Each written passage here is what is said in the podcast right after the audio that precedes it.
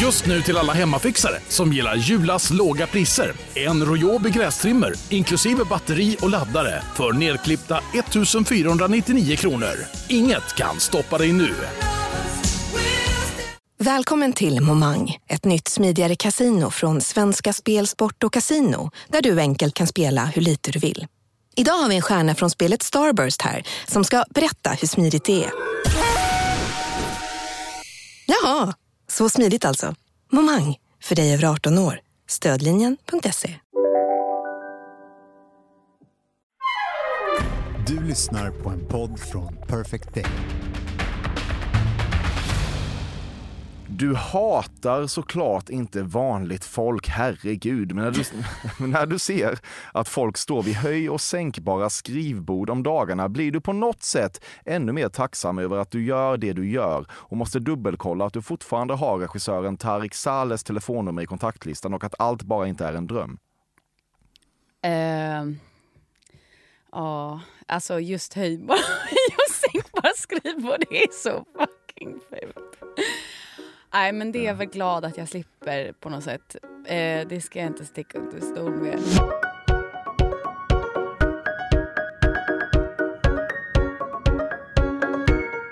När allt kommer omkring lyssnar du på ett nytt avsnitt av Fördomspodden med mig, Emil Persson. En podcast som inte skyr några medel att med hjälp av den samlade kraften i mina fördomar om kändis-Sverige gå till botten med i tur och ordning vad min gäst utstrålar och vem min gäst i själva verket är. Idag ger vi plats för en av Sveriges starkast lysande så kallade skådisstjärnor. Ingen mindre än Hedda Stiernstedt. Född i Stockholm det ganska oanmärkningsvärda året 1987 växte hon upp i det som på hennes Wikipedia kallas för ett progressivt särbohem på Torilsplan. Hon studerade så småningom litteratur och skådespeleri innan hon uppenbarligen bestämde sig för att satsa på det sistnämnda. Det stora genombrottet kom i succéserien Vår tid är nu och därifrån har det bara snöbollat med roller i filmer som Min pappa Marianne och Jönssonligan-rebooten häromåret. Det kommer inte som en chock för varken dig eller mig att hon har en jävla massa saker på gång. Däribland en dansk film som heter Boundless, serien om Börje Salming som kommer på Viaplay, filmen One More Time som kommer på Netflix och kriminalserien Sanningen som kommer på C More. Privatlivsmässigt så gifte hon sig i vintras med artisten och regissören Alexis Week.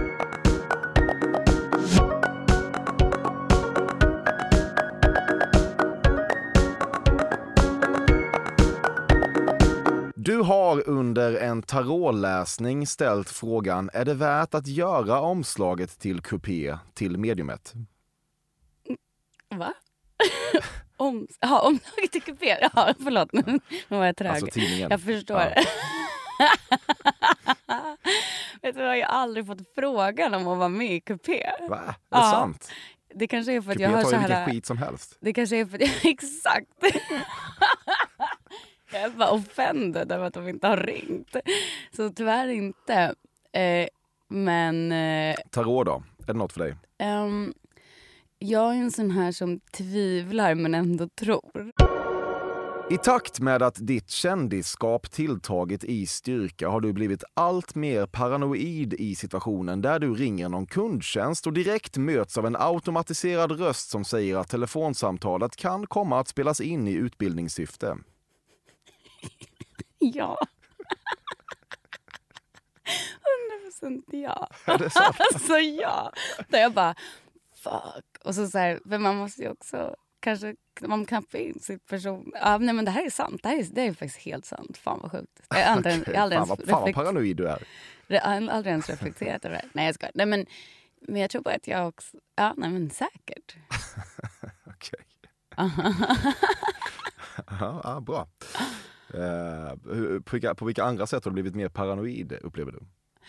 Ehm, nej men absolut att jag liksom inte alls var det i början. Ehm, och att det typ 99% av gångerna inte har någon grund.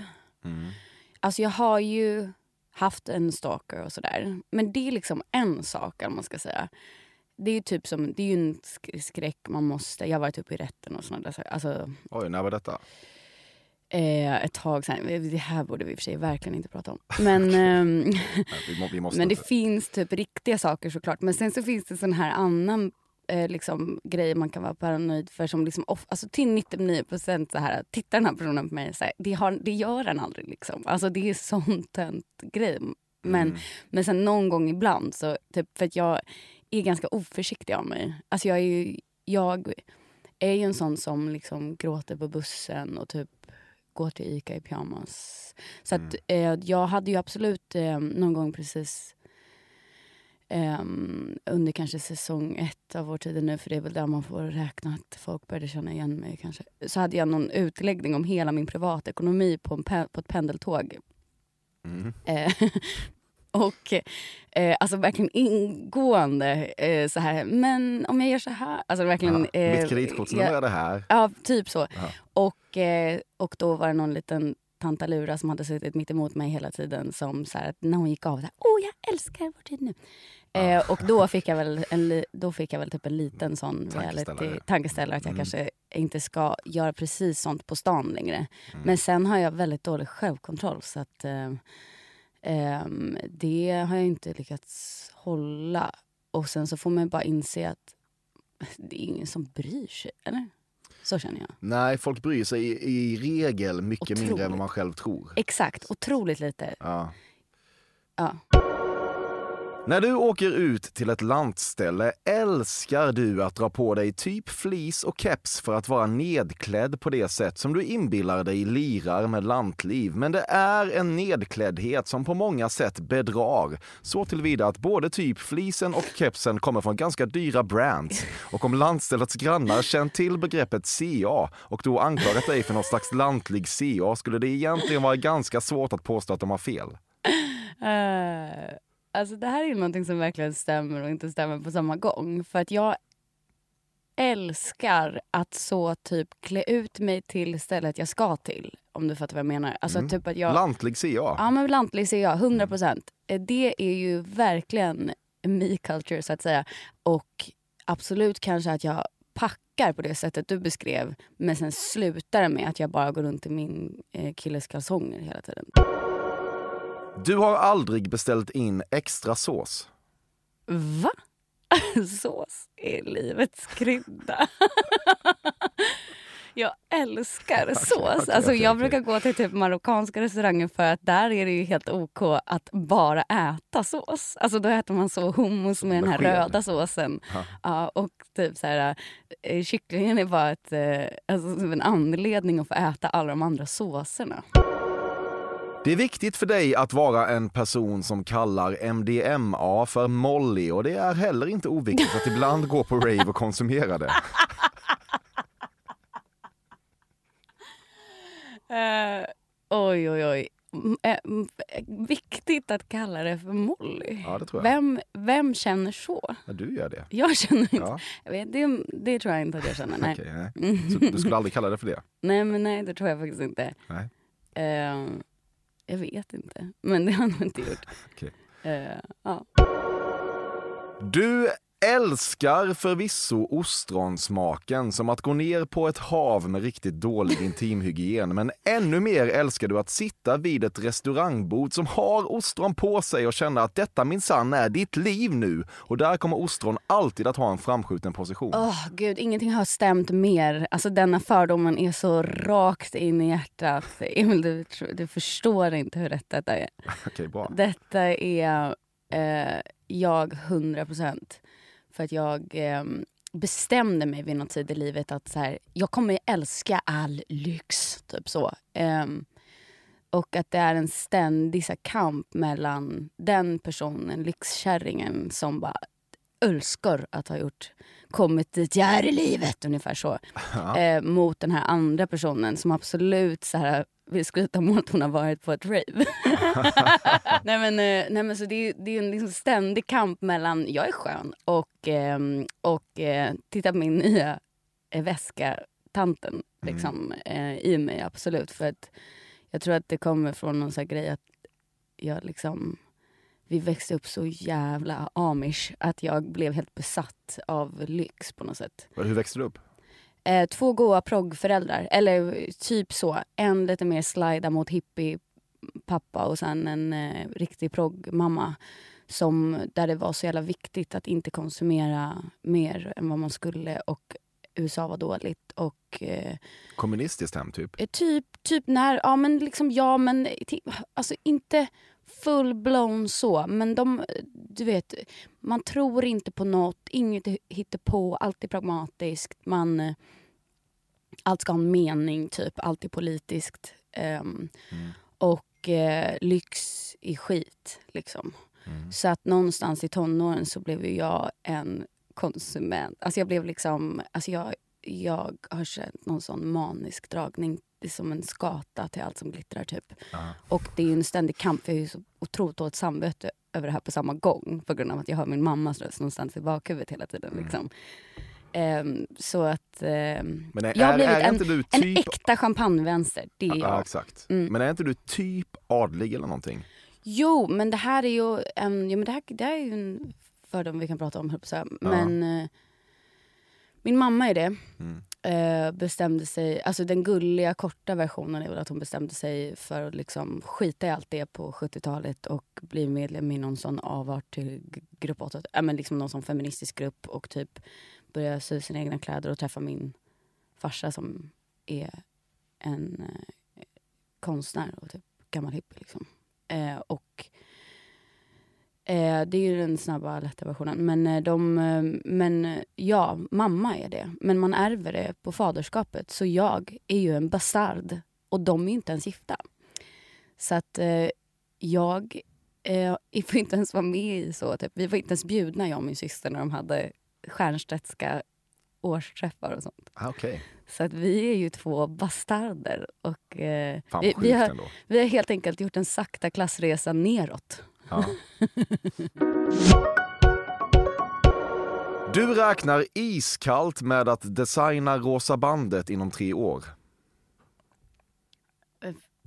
Alltså jag tycker att både Rosa bandet och fucking kupé kan ringa någon gång. Så känner jag väl.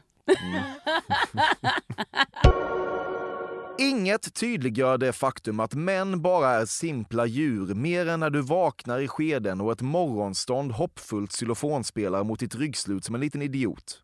Det här är vi bara att outa Alexis. Ja,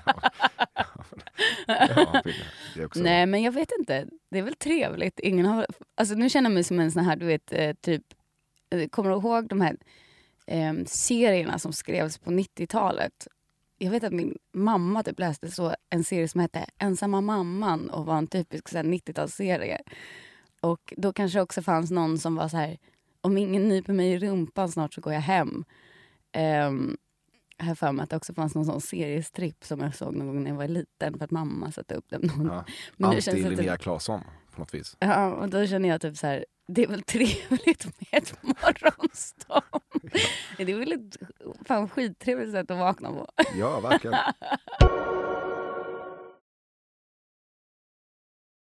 Fördomspodden sponsras återigen av Air Up. Och Air Up är en innovativ flaska som smaksätter helt vanligt kranvatten med doft. Nyskapande som fan om man får säga det själv. Och AirUp har utvecklats för att man ska slippa välja mellan smak och hälsa. För med det här systemet så gör man sig själv en tjänst varje gång man vill dricka något gott. Och att smaksätta vatten med doft kan ju låta lite som, jag vet inte, magi. Svartkonst nästan. Men AirUps hemligheter är högst vetenskapliga för det kallas retronasal doft. Eller med ett enklare ord att uppleva smak med näsan. Ja men exakt, och eh, alltså AirUp är ju en gammal kär vän till mig. Jag eh, har ju haft min AirUp-flaska här på jobbet i ja, men ett halvår nu och det är ju faktiskt så att det har revolutionerat hur mycket jag dricker vatten. Jag, det är inte bara jag, utan alla med mig här på kontoret har en AirUp-flaska och alla med mig har ja, men börjat dricka mycket mer vatten. Och Anledningen till det är ju precis som du säger, de här poddarna, så små liksom, vad ska man säga, plasthöljen som man sätter på din AirUp-flaska för att få smak. Man kan få en ny favorit som har dykt upp för mig, heter söt kokosnöt. Den vill jag verkligen tipsa om. De fyller mitt vattendrickande, de borde fylla allas vattendrickande. En sak som jag tipsade lite om förra gången, som jag cannot stress enough, är ju att fylla upp din AirUp eh, med bubbelvatten. Det blir en eh, helt otrolig upplevelse som jag unnar alla. Det kan också bli en billig upplevelse för det finns en rabattkod som är FÖRDOM helt enkelt. Stora bokstäver där, F-Ö-R-D-O-M, som ger 10% rabatt på ett köp hos AirUp och rabattkoden är giltig till och med den 28 maj och går inte att kombinera med andra erbjudanden. Läs mer på air-up.se. Tusen tack AirUp som möjliggör Fördomspodden. Fördomspodden sponsras denna vecka av Sting Free, världens enda vita snus med skydd för tandköttet. Detta inslag riktar sig bara till dig som är över 25 år och redan använder nikotinprodukter. Nikotin är ett mycket beroendeframkallande ämne. Felix, en fördom jag har om dig och snusare i Småland generellt är att man absolut inte får visa sig svag och erkänna att tandköttet tagit stryk av att snusa. Så är det verkligen Emil. Men visst fan får man skäll av tandläkaren alldeles oavsett. Och ändå, som jag kan berätta, som länge trodde att hans tandkött tålde hur mycket snus som helst. Det var Bengt Wiberg i Stockholm. Men när han fick ont i tandköttet och tandläkaren sa åt honom att sluta så var han inte så stöddig längre. Och då fick Bengt Wiberg en tokig idé. Han tänkte, vad händer om jag sätter plåster på tandköttsidan av prillan? Är det sant? Ja. Och det funkar alltså? Alltså man plåstrar prillan för hand, så att säga? Ja, precis. Plåster på tandköttsidan av prillan testade han och det funkade otroligt nog. Och snuset smakade fortfarande gott och levererade nikotin precis som det skulle. Men det är ju liksom... Det måste ju ändå vara revolutionerande det här. För en riktig skitgrej med snus är ju att tandköttet tar stryk. Eh, och det här låter ju ändå som en, någon slags produkt som är, blir lika självklar som typ ja, men bilbältet eller en cykelhjälm eller vad som helst. Ja, precis.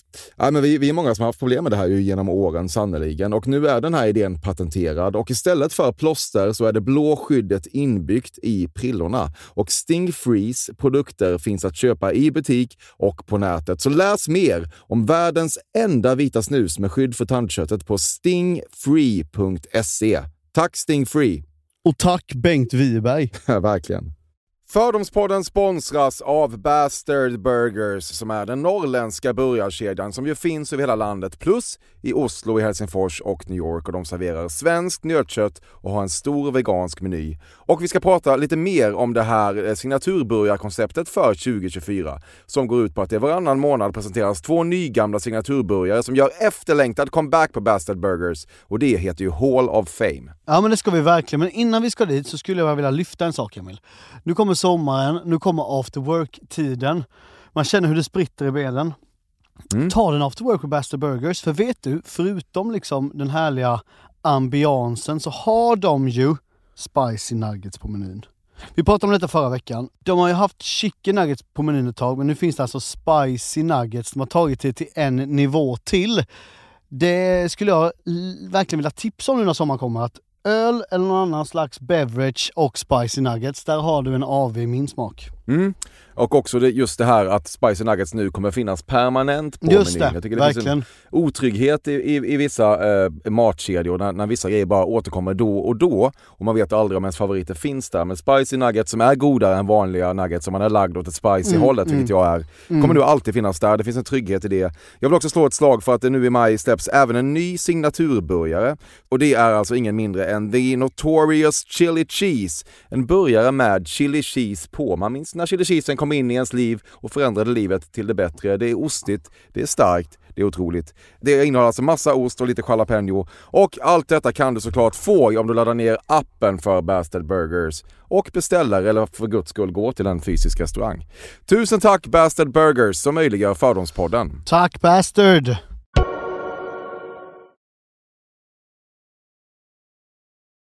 Du älskar att tilltala din man baby. Ja. Äh, usch, fy fan. Ja men det gör jag nog. Älskling i och för sig mer. Men eh, ja, det var ett och annat babyslick. Äh, Lite äckligt, för fan. Hör jag ju direkt att det är. Ja, men det, ja, det måste det väl inte vara. Så att folk gör sånt här. Ja. Det- Allt jag säger är ju inte förolämpningar. Jag försöker ju Nej. bara tänka hur det är. Det, nej, nej, men det är jag inte bara för jag hörde, nej men det förstår jag. Ja. Jag bara hörde själv i mitt huvud att man, baby. Mm. Samma stund som du åt burrata första gången insåg du att du där hade att göra med en rätt du kommer att prata mycket med dina kompisar om de kommande åren eftersom både rätten och ordet burrata ligger väldigt bra i din mun. Sant. I början när du såg en publicerad intervju med dig själv som fått en rubrik i stil med att du citat siktar mot Hollywood, slutcitat, kändes det lite härligt som att folk ändå köper att orden Hedda Stiernstedt och Hollywood får samexistera i samma mening utan att det känns osannolikt. Men när du idag ser en publicerad intervju med dig själv som fått en rubrik i stil med att du citat siktar mot Hollywood så känns det också lite förpliktigande och prestationsångestframkallande. Man kan väl inte bara sikta mot Hollywood hur länge som helst? Så blir inga Hollywood-karriärbarn gjorda. Åh gud, detta är så sant. Eh, ja men sant.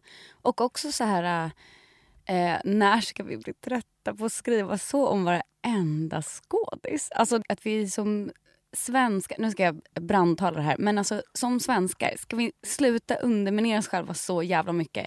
Allt som görs på engelska är inte bra. Alltså skitmånga, vi har haft skitmånga bra skådisar i Hollywood och som gör jättebra grejer. Men sen också är det ju jättemånga som gör saker på engelska som är så jävla dåliga.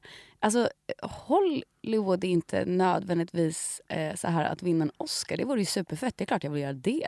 Det är skittöntigt när folk håller på och säger så här. Nej, det är inget för mig. Jag, jag stannar hellre här och jobbar på Dramaten. Det är inte sant. Liksom. Det är klart att alla vill ha en bra utlandskarriär. Men allt som görs utomlands är inte nödvändigtvis bra. Och vi måste sluta så här underminera hela vår egen bransch.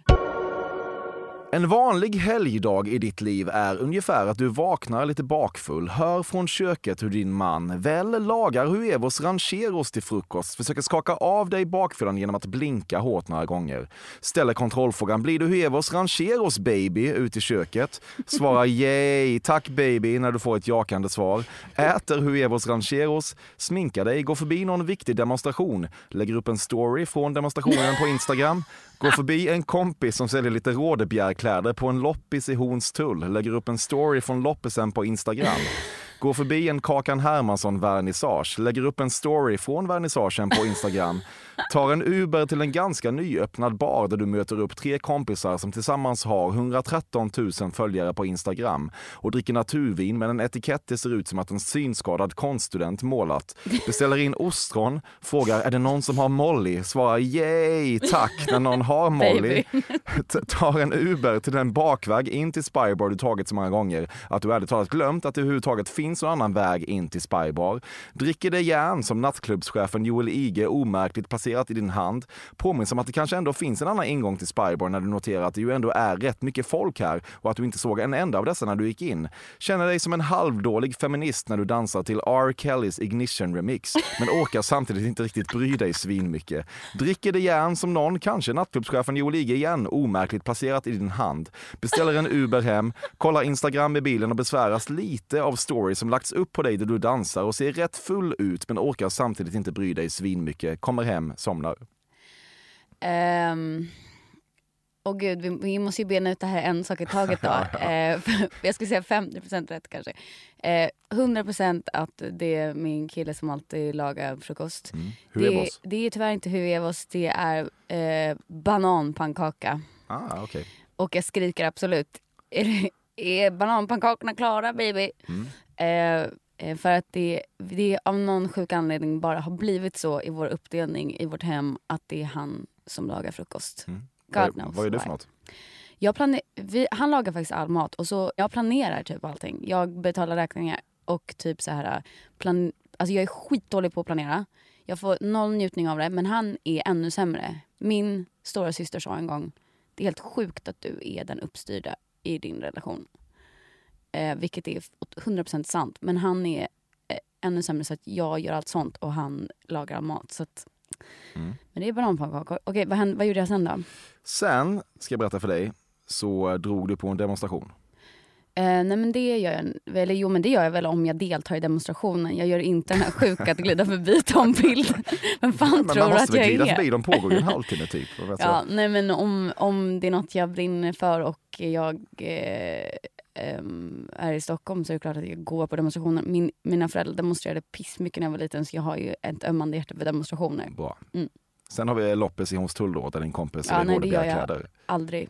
Nej, okej. Pallar inte gå på lopp så jag tycker jag blir, blir min hjärna liksom bara clouds over av stressen att man måste hitta ett fynd. Ja, men jag tänker mer att du hänger med din kompis Aha. och ni har en härlig dag. Liksom. Nej, fan det är nog inte mina kompisar. Nej. Mina kompisar. Mm. Men däremot? Kakan Hermansson vernissage. Ja, men det kan hända. Jag gillar Kakan och Kakan eh, är ju en gammal kompis till familjen, på säga. Inte till min familj utan till eh, min kille. Så att eh, henne har vi hängt med lite i våra dagar och jag går gärna på någon av hennes vernissager för att, Ja. för att stötta hennes konst. Ja, ja. Mm. Yes. Och sen så tar du en Uber till en ganska nyöppnad bar. Där du med tre vänner som har 113 000 följare på Instagram tillsammans dricker naturvin med en etikett det ser ut som att en synskadad konststudent målat. 80% sant. Vi gör exakt de där sakerna. Jag tar en Uber, jag åker till naturvinsbaren och jag dricker absolut något vin som det ser ut som någon synskadad konstskolestudent eh, har målat. Eh, Men jag skulle säga att eh, nästan, alltså de vännerna jag umgås med på det sättet att jag går och gör de här sakerna med är ju helt inkognito. De är inte, Följarlösa. de är följarlösa. Mm. Finns knappt. De finns, de finns i mitt liv. Ja. Jag älskar dem. Och jag, Ja, jag fattar. Ja, sen så är det då eh, eh, Spybar, eh, Bakvägen, Molly, R. Kelly, Järn. Typ. eh, Spybar har jag varit på, alltså sist jag var där var på min födelsedag för, alltså i december förra året. Och jag, det är typ, jag har blivit så gammal att det är typ det jag orkar. Jag orkar gå till Spybar en gång om året. Ehm, för jag är, jag är bara too old for this shit. Så förmodligen så har jag bara råkat bli alldeles för fucking full på det där vinet på den där naturvinsbaren. Så att jag bara så här, vad gör vi nu? Och så på sin höjd så orkar man gå eh, till typ tjoget och dricka en drink och sen gå hem. Alternativt eh, att, att jag bara går hem tidigt och tänker så här, fan vad mysigt att gå hem tidigt. Mm. Mm. Och sen vaknar du till doften av bananpannkakor och allt börjar om igen. Och allt börjar om igen. Du röstade på Socialdemokraterna, Eh, nej, jag röstade vänster. vänster. Mm. Eh, men jag röstade Socialdemokraterna taktiskt i typ så kommunalvalet för att jag tänkte att de skulle ta över den här vårdsituationen i Stockholm. Med en uppfälld hoodie-luva sätter varje bakfull kvinna sina egna gränser. Mm. Ja, alltså, nu känner jag att jag liksom måste syntolka det här. På så här. Eh, Ja, men alltså, du älskar att ha det när du är bakis, känner dig stark. Ja, men jag älskar hoodieluvor bara generellt. Det är så jävla trevligt med en hoodieluva. Om det är fel att det ibland slinker med lite engelska ord när du stönar i sängen så vill du inte ha rätt. Gud. Hmm. Hmm, nu försöker jag verkligen tänka efter. Nej, nej. Är du säker? Nej, jag är faktiskt helt säker. Ja. I såna fall på sin höjd då baby. Exakt. ja, bra. Du har i samråd med din terapeut slutat läsa din Flashback-tråd. Åh, det här skulle ju verkligen kunna ha hänt. Ehm, men... ehm, nej. När du är i Paris-stadsdelen Marais och ska lägga upp en Insta därifrån nöjer du dig inte med exempelvis geotaggen tillhörande restaurangen du sitter på vid tillfället utan du söker aktivt i geotagglistan efter Marais, kommatecken Paris och märker ditt foto med Marais, kommatecken Paris så att ingen ska kunna undgå att förstå att du just nu befinner dig i Marais, kommatecken Paris. Eh, Det låter eh, som jag. Jag vet inte om jag någonsin har gjort det här men det låter absolut som att det skulle kunna vara jag för att jag eh, är en riktig sån hagga som älskar att vara i Marais och gillar att skryta om att jag minsann var där när det fortfarande var coolt. Typ att hänga på La Ja. Perle. Eh, när La Perle fortfarande hade något. Ja, du har varit där Ehm. mycket ändå låter det som. Jag har varit där mycket men jag, liksom, jag var där och jobbade som au pair. Mhm. Eh, och, eller liksom inte, det var inte därför jag åkte dit och så hade jag inga pengar så ställde jag mig utanför Engelska kyrkan och bara skrek. Är det någon som behöver nanny? Så var det någon galen kvinna som bara, jag. Ehm, så jag blev liksom hennes au pair men det var mer som att jag var hennes hålldam. Typ. Hon betalade mig för att vara sällskap till henne. Och sen så jobbade jag också på Paris skabbigaste krog samtidigt. Men vadå, Ehm, alltså stod du på riktigt och skrek ut det här bara som Ja. en galen människa? Ja. Vad hände med internet? Eh, ja, alltså de annonser, alla annonserade ju inte Alltså jag frågar mig inte, jag liksom vad, det, det, jag frågar mig inte varför jag, Det här tillvägagångssättet låter helt bisarrt men Ja, jag för mig att jag hade liksom sökt massa grejer och inte fått något för att jag inte pratade franska. Och därför så tipsade folk om att här, gå till svenska kyrkan och engelska kyrkan för där liksom hängde mycket typ hemmafruar. Mm. Så då gick jag till engelska kyrkan fick, för att jag inte fick någon napp på svenska för de kanske tänkte att man var galen. Men så träffade jag den här brittiska kvinnan som var helt otrolig. Jag älskade henne. Vad kan vara galet med att någon står på gatan och skriker jag vill passa ditt barn? Det låter ju helt sunt. Exakt. Men hon var helt otrolig. Lämna mig själv med ditt barn. Vi hade Gör det nu. skitkul. Men jag, jag blev ju aldrig själv med hennes barn för hon ville umgås med mig. Så det var ju det hon betalade jag mig för. Och hon klädde mig i så här, sina dyra kläder som hon inte hade Du fick någon betalt användning för att för. dricka vin med henne typ? Ja, det var typ det vi gjorde. Ja, nice. mm, det var svinnice. Du har någon gång skrivit “New hair, who this” på Instagram. Ja! Ska du verkligen göra det? Usch. Ja. Du älskar hur snyggt museiförkortningen MoMA ligger i munnen och du har insett att det är ett ganska bra lackmustest att tidigt i en relation nämna MoMA och se om samtalspartnern också är MoMA med MoMA och därmed delar din världsbild. Även om ditt liv lyckligtvis på något halvdarwinistiskt sätt utvecklat sig så att det ska mycket till för att du idag skulle komma i kontakt med någon som inte är MoMA med MoMA. Eh, nej. Det provocerar dig att Ruben Östlund inte bara kan kasta svenska up and coming skådisar som alla andra regissörer. Varför ska han vara så jävla speciell? Nej, men han castade ju jävligt roligt. Alltså, jag tyckte det var sjukt kul att typ, eh, Henrik Dorsin tydligen, jag har inte sett den här nya, men eh, för att den innefattar en, en vad är det, 12 minuter lång spyscen och jag eh, klarar inte av när andra människor spyr, jag typ svimmar. Så att, ehm, jag kommer typ inte kunna se den. Jag måste liksom se en reviderad version som någon klipper åt mig i sådana fall. Klipper bort den här spyscenen på en kvart. Men, vad händer när du själv måste spy? Det måste vara Ja, det är inga problem. Okej. Eh, det är inga problem alls, Nej. konstigt nog. Nej. Utan det är bara när andra spyr. Jag har, liksom gett, jag har utdelat smockor, svimmat, kastat ut eh, en pojkvän ur en, ur en rullande bil. Den, var väldigt, den rullade väldigt långsamt, men ändå. Vadå, du har utdelat smockor till en människa som spyr? Alltså Okej. i ren rädsla. Alltså, Sparka ren, på en som eh, ligger, sannoliken. Ja, nej, men hemskt. Men eh, verkligen i ren bara chock. Typ så. Alltså, Vad, vad händer då? Eh, Jag får sån så här blackout typ, om någon börjar spy. Eh, och svimmar. Jag vet inte vad det är. Det är någon det är otrolig, jag ser en otrolig rädsla verkligen. Ja. Ehm, Jobbigt. Men, så den här nya kan jag inte säga. Men jag tycker det är roligt typ, att han kastar Henrik Dorsin. Det är så jävla eh, otippat. Men det är klart. Självklart så är det som att man bara, men vi andra då? Vi andra som också ville vinna en guldpalm. Vad händer med oss? Verkligen. Det är något ollonfränt med färgen på dansk pölse och därför har du alltid lite svårt för att se någon äta en. Det finns ingenting att lägga ut där. Nej. Nej, det, ser, det är något jävligt nasty med det. Du romantiserar julkalendern Mysteriet på Greveholm och Ja. om ett samtal om Mysteriet på Greveholm skulle uppstå i din närhet är du beredd att släppa nästan allt för att ta dig in. Fan vad mysigt. jag, eh, jag älskar ju att mysa. Alltså mys eh, och jag går, gillar varandra. Och typ sånt där. eh, Jag, det är ju lite obehagligt med en vuxen person som bara, jag tittar på julkalendern när man inte har några barn. Eh, Men eh, det är tyvärr jag. Mm. Och Ja. jag kan absolut romantisera gamla julkalender. Ja. Ja. Framförallt den där. Framförallt folk den helt där. tokiga i. Folk är helt tokiga i den. Ja. Varför? Kan inte svara. Men den ligger så precis rätt. Det väl säkert någon så här generationsgrej eller någonting. Att den ligger så exakt i mys rätt på något sätt. Mm. Den gör väl detta. Jag kom precis på en skitrolig grej som hände den där gången. Det var min enda gång på Spybar förra året. När jag går på Spybar en gång om året så vill jag bara inflika att sist så fick jag ta Bianca Ingrosso på brösten. För att jag fyllde år så jag skrek Bianca Ingrosso! Aldrig träffat henne förut. Jag fyller år! Får jag ta dig på brösten? nu outar jag henne. Hon var så jävla bjussig. Hon bara okej, Ja, grattis på födelsedagen. ja, mysigt. Kändisförmåner på något vis. Ja, hundra procent.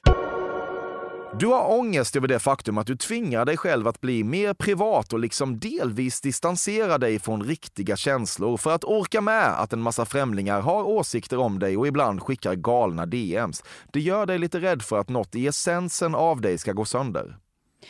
Eh, men liksom, ja. Ja. Ehm, jag tror att jag liksom vaktar mig själv ibland lite för mycket och, har, och också har så här vaktat mig själv alldeles för mycket i typ intervjuer och så här, alltså typ varit ganska trist och platt och inte bjudit så mycket på mig själv för att jag ibland har känt så här, om jag blottar för mycket av mig själv så finns det en risk med det här. Och folk, men det har ju också lett till att folk har inte haft så jävla mycket åsikter om mig. Alltså folk har varit så här, generellt väldigt snälla mot mig känner jag också. Och så här, jag, har inte, jag upplever inte alls det här som många är jag får ta emot så mycket skit och hat. Typ, så. Mm. Men i början var jag skitängslig att någonting skulle hända med mig på något sätt. Och jag vet inte om det handlar om att jag liksom föreställer mig att jag har någon så svag, svag självkänsla och därför inte vågar. Men jag, jag tror att jag liksom hade någon idé om verkligen att jag hade också kanske sett några, mest män, i min, alltså i min, på mitt jobb och så. Kanske det kanske gick dem lite åt huvudet och de kanske tappade lite viktiga vänskaper och sånt där. Så att jag liksom vaktade mig själv väldigt noga för att så här, det här är mina vänner, det här är min krets, det här är jag. Jag måste vakta mig själv. Men det kanske också ledde till att jag inte njöt så mycket i stunden och också var rätt platt och trist utåt. Kanske också intervjuer där jag hade kunnat vara, bjud, vara lite mer mm. avslappnad kanske. Är du mer loose nu? Känns ändå ganska, eh, ganska ja, loose tycker jag. Eh, ja. Jag hoppas det. Ja, känns så. Eh, det får väl de som lyssnar svara på. Ja, verkligen. Eftersom du blev ihop med din man när du var ganska ung har du ibland suttit hos din terapeut och pratat om det är något fel på dig som varit sugen på att initiera pauser eftersom tanken på att aldrig någonsin ligga med någon annan känns lite nedslående. Men samtidigt försöker du tänka på alla dina singelkompisar som ständigt utforskar den andra grässidans grönhet och de verkar ju må skit och i detta går det att hämta något slags kraft ändå. Nej men alltså vi har ju varit tillsammans i, i hundra år, så är det ju. Mm. Eh, hela mitt vuxna liv typ har jag varit ihop med honom. Och jag glömmer ju hela tiden bort att vi är gifta oss. Så jag säger min kille hela tiden fast han är min man. Mm. Eh, eh, men han, nej alltså, nej. Jag, jag tänker inte sitta här och bara, det har varit helt fantastiskt nu i tolv år. Men det är klart att vi har haft någon som... Men jag har faktiskt aldrig velat ha någon paus. Vi har haft det så här, vet inte. Jag vet, det känns också som att vi har haft sån jävla tur. Typ. Att han är en otrolig person. Mm. Och liksom, vi har bra sjukt nog tagit det och haft det hela tiden typ nästan. Förutom någon svacka här och där såklart. Och liksom, saker händer ju också i folks liv. Liksom, människor går bort och eh, liksom man går igenom depressioner och allt möjligt liksom, som är svåra att dela med men som man liksom dealar med men som kanske inte nödvändigtvis har med relationen att göra. Men jag tror att så här, det är klart att jag dels ser liksom andra och bara det här verkar vidrigt. Mm. Tinder verkar vara vidrigt. Men också så tror jag liksom att... Eh, alltså så här, jag, det här har jag faktiskt också sagt förut. Jag tror att jag för att försöka sammanfatta det här så har jag nog tänkt också väldigt mycket så här. Jag ångrar verkligen inte mängden killar jag har varit med. Men jag önskar att jag innan jag träffade honom också hade varit inte så hård mot mig själv. Om det är någonting jag skulle också få säga till typ unga tjejer och så här att man ska liksom inte döma sin egen sexualitet. Jag ångrar inte. Jag, det är inte som att jag bara önskar att jag hade varit med fler killar innan jag träffade honom. Absolut inte, utan mer bara så här, fan vad hård jag var mot mig själv. Det var ju flera gånger som jag kanske bara borde gått hem med någon kille som jag var lite sugen på istället för att vara så här, nej men jag är en duktig tjej. Mm. Alltså hålla på så här, vara ett sånt jävla offer för patriarkala strukturer på det sättet att man liksom inte njöt av stunden. Eller gick hem med någon kille man inte vill gå hem med för, på grund av någon anledning. Och såna där saker. Utan man ska liksom bara lyssna på sin egen röst. Gör vad fan du vill. Ligg med vem fan du vill. Ta hand om dig själv. Typ. Alltså, så önskar jag kanske mer. Men sen, idag vill jag inte ha någon paus. Jag är jätteglad. Trots att du inte är något fan av fenomenet baby showers upplever du att du fan inte gör något annat än att befinna dig på dem. Men enligt din terapeut är detta bara en helt naturlig del av vuxenlivet. Uh, det är det, förlåt alla, men det är det vidrigaste som finns alltså. Uh, mm. uh, ja, nej men jag, faktiskt kanske inte så många vänner som eh, har haft baby showers. Jag kanske bara varit på två faktiskt. Men eh, de var ju, det var ju tillräckligt, så känner jag. Ehm, och typ en väldigt nära vän till mig nu är gravid och hon bara så här högg mig i armen och bara Ingen fucking baby shower, okej hör du? För att vi har, vi liksom, vår eh, gemensamma erfarenhet av eh, baby showers är, eh, är totalt mörker. Fast jag var på någon baby shower där liksom, det var typ så här, hon fick en korg. Så här, den här är från oss alla och det enda jag har gjort är så här, swisha pengar. Och jag kan inte förstå att det här var en present som kom från mig. För det var som en big box of horrors. Bara. Så här, de här bindorna måste du ha på dig för att eh, du kommer läcka ur alla hål. Mhm. Eh, de här smärtstillande måste du ta för att du kommer aldrig uppleva sån här stor smärta En dagen väldigt efter. typ. konstruktiv det var här. Ja, det var liksom så här konkret och jag kände så här det, djup skräck. Typ så. Eh, och tänkte jag vill absolut inte ge det här i present till någon. Det är viktigt för dig att vara en person som tycker att Paris Hiltons singel Stars Are Blind är bra på riktigt. Nej, men det är den väl inte. Men den är ju bra. Alltså den har ju någonting. Du kan uppskatta att gå på strippklubb, men bara om du får vara den som initierar det. Mm. Det är väl det enkla svaret. Jag gillar att gå på strippklubb. Nej, inte väl. Alltså jag, jag, usch det är hemskt. Ja, hör av er alla feminister och förklara varför det här är så jävla dåligt. Men fan vad det kan vara kul att gå på strippklubb ibland. Mm. Ja. Vad ska jag säga? Däremot så finns det ju en strippklubb i LA, det här kommer att låta så douchigt, som är typ att det, det är så här mer burlesk, alltså det är typ initierat av ett gäng burleskkvinnor och sånt och det blir ju roligare. Alltså det ska jag verkligen säga. Det luktar inte så mycket ångest där inne liksom. Nej, Nej. mer burlesk glädje. Det, ja men precis. Mm. Och det är mer så här, det känns, det är klart att det är härligare. Jag, de andra strippklubbarna kanske jag inte går tillbaka till. Men där har jag faktiskt varit några gånger.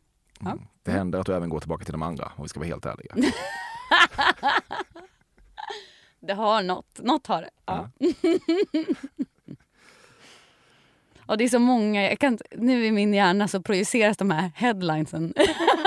Tar Bianca Ingrosso på brösten. Ja. Skandalintervjun. Strippklubb. Det är Ja. det här du behöver, du ska bli Ja, mer loose. Tacka mig. Du har aldrig fått en kritisk fråga av QX. Nej. Nej. Nej. De, är, de har dig. varit så jävla stöttande och gulliga. Trots att jag faktiskt aldrig har spelat eh, gay. Mm. Ehm, så har de varit... Men jag har varit med i mycket grejer som har haft så här, gay-karaktärer. Typ Vår tid nu vann ju för att vi hade massa fina karaktärer som var gay. Och sen så typ min pappa Marianne och sådär. Men jag har ju alltid varit tråkig straight i de här serierna och filmerna. Men, eh, men de har varit så jävla... Alltså jag har Mm. Vet du vad de gör? otroligt stöd. De omfamnar svenska up and coming skådisar på ett sätt Ruben inte gör.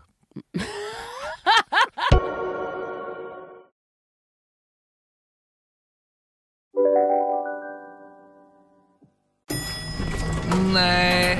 Dåliga vibrationer är att gå utan byxor till jobbet. Bra vibrationer är när du inser att mobilen är i bröstfickan. Få bra vibrationer med Vimla. Mobiloperatören med Sveriges nöjdaste kunder enligt SKI. Om en så vidde på väg till dig för att du råkar ljuga från kollega om att du också hade en och innan du visste ordet av du hem kollegan på middag och... Då finns det flera smarta sätt att beställa hem din sous på. Som till våra paketboxar till exempel. Hälsningar Postnord. Ni har väl inte missat att alla takeaway förpackningar ni slänger på rätt ställe ger fina deals i McDonalds app. Om skräpet kommer från andra snabbmatsrestauranger. Exempelvis... Åh, sorry. Kom, kom åt något här. Exempelvis... Förlåt, det är något skit här. Andra snabbmatsrestauranger som... Vi, vi provar en talning till. La, la, la, la, la. La, la, la, la.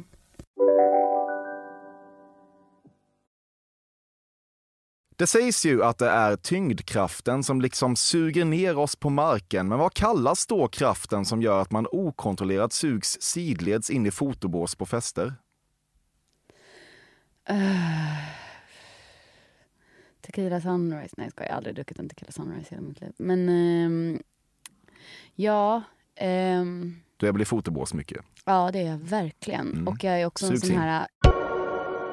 Du har en historia av panikångestattacker. Ja. Mm, det är ju Mm. inget mer med det.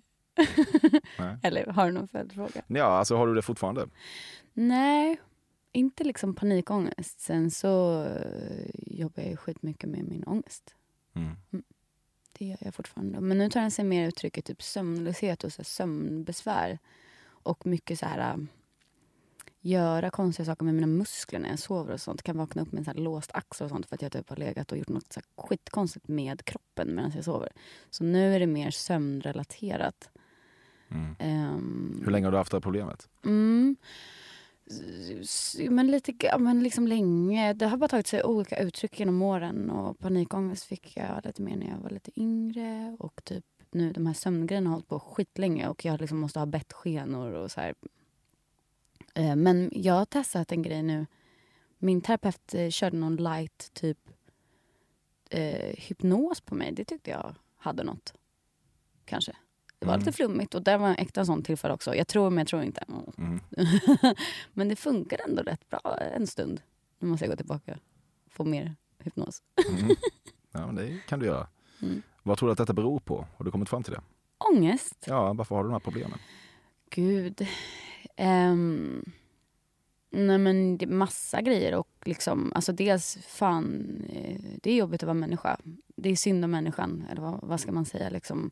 Jag, jag tror att väldigt många människor lider av olika typer av ångest. Det är liksom inget unikt för mig. Sen har ju mitt jobb också, alltså det jag, det jag försöker jobba mest på är att försöka frånkoppla min självkänsla från yrket. Liksom. Att jag... Du är inte din prestation. Nej men precis. Och att jag inte heller alltid styr över min prestation. Det är ju jävligt svårt också att försöka stå för alla manus man gör eller liksom alla regival. De är inte mina. Liksom.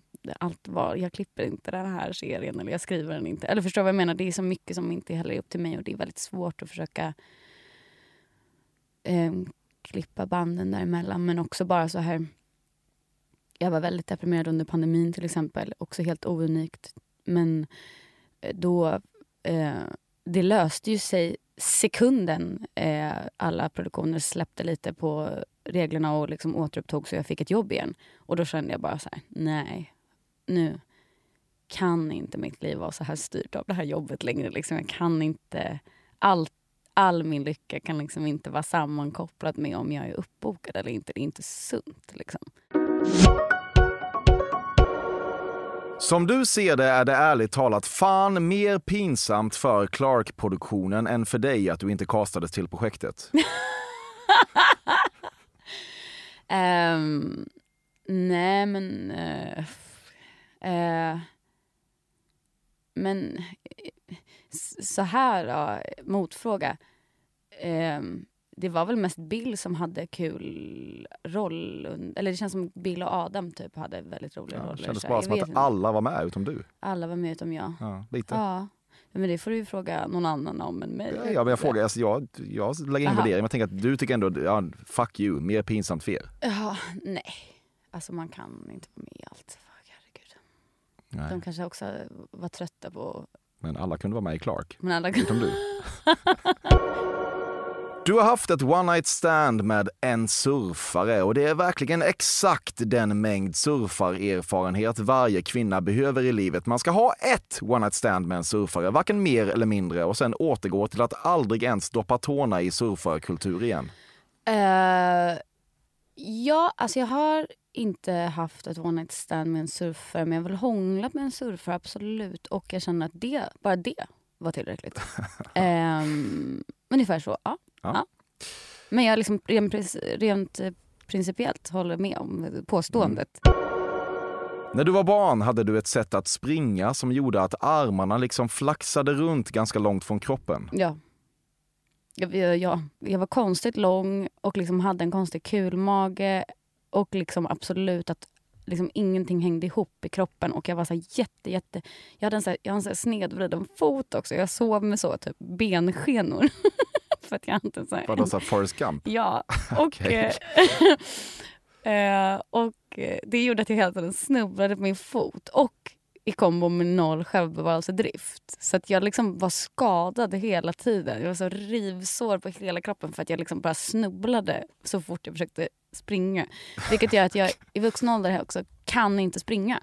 Folk är så här, jo men jogging är så härligt, du borde testa typ. Och jag bara som, jag kan inte. Alltså min kropp liksom samarbetar inte när jag försöker springa. Mm. Så är det med det. Mm. Fan vad jag outar mig själv här. Fan vad sexigt hörni med bensken. Ja, men det, det har något. Det, ja. Jag visste inte att det fanns i verkligheten, jag trodde bara det fanns i Forrest Gump. Jag kan visa en bild sen. Jag Ja, hittade dem i mammas källare när jag hjälpte henne städa ur nyligen. Ja, kan kul. visa hur de ser ut.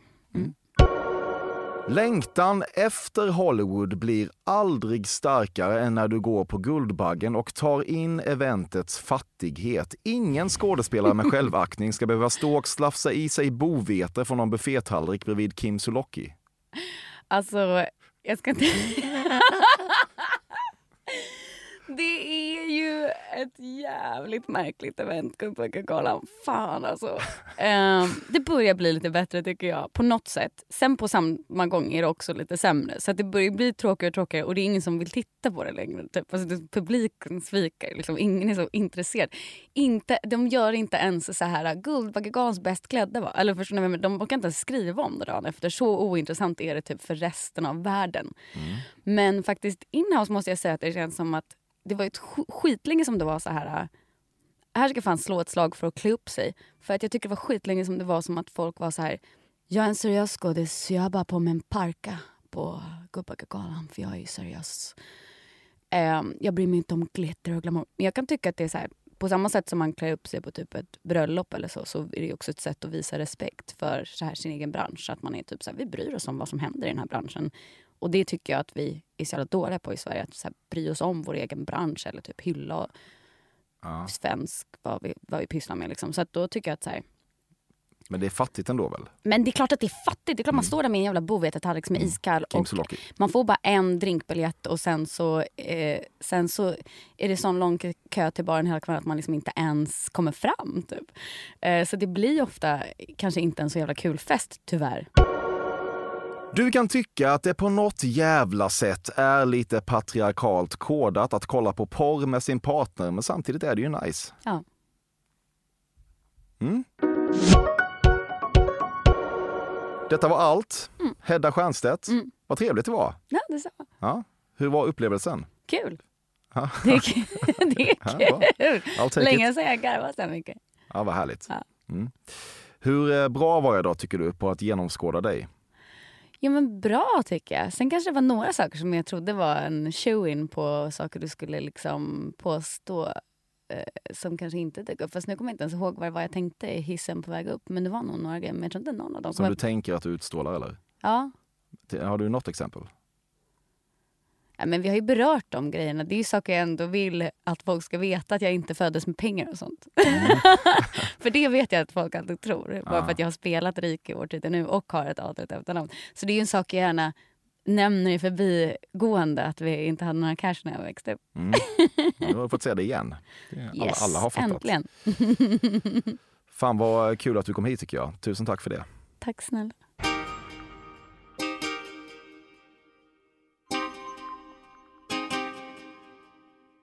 Detta har varit Fördomspodden med Hedda Stiernstedt.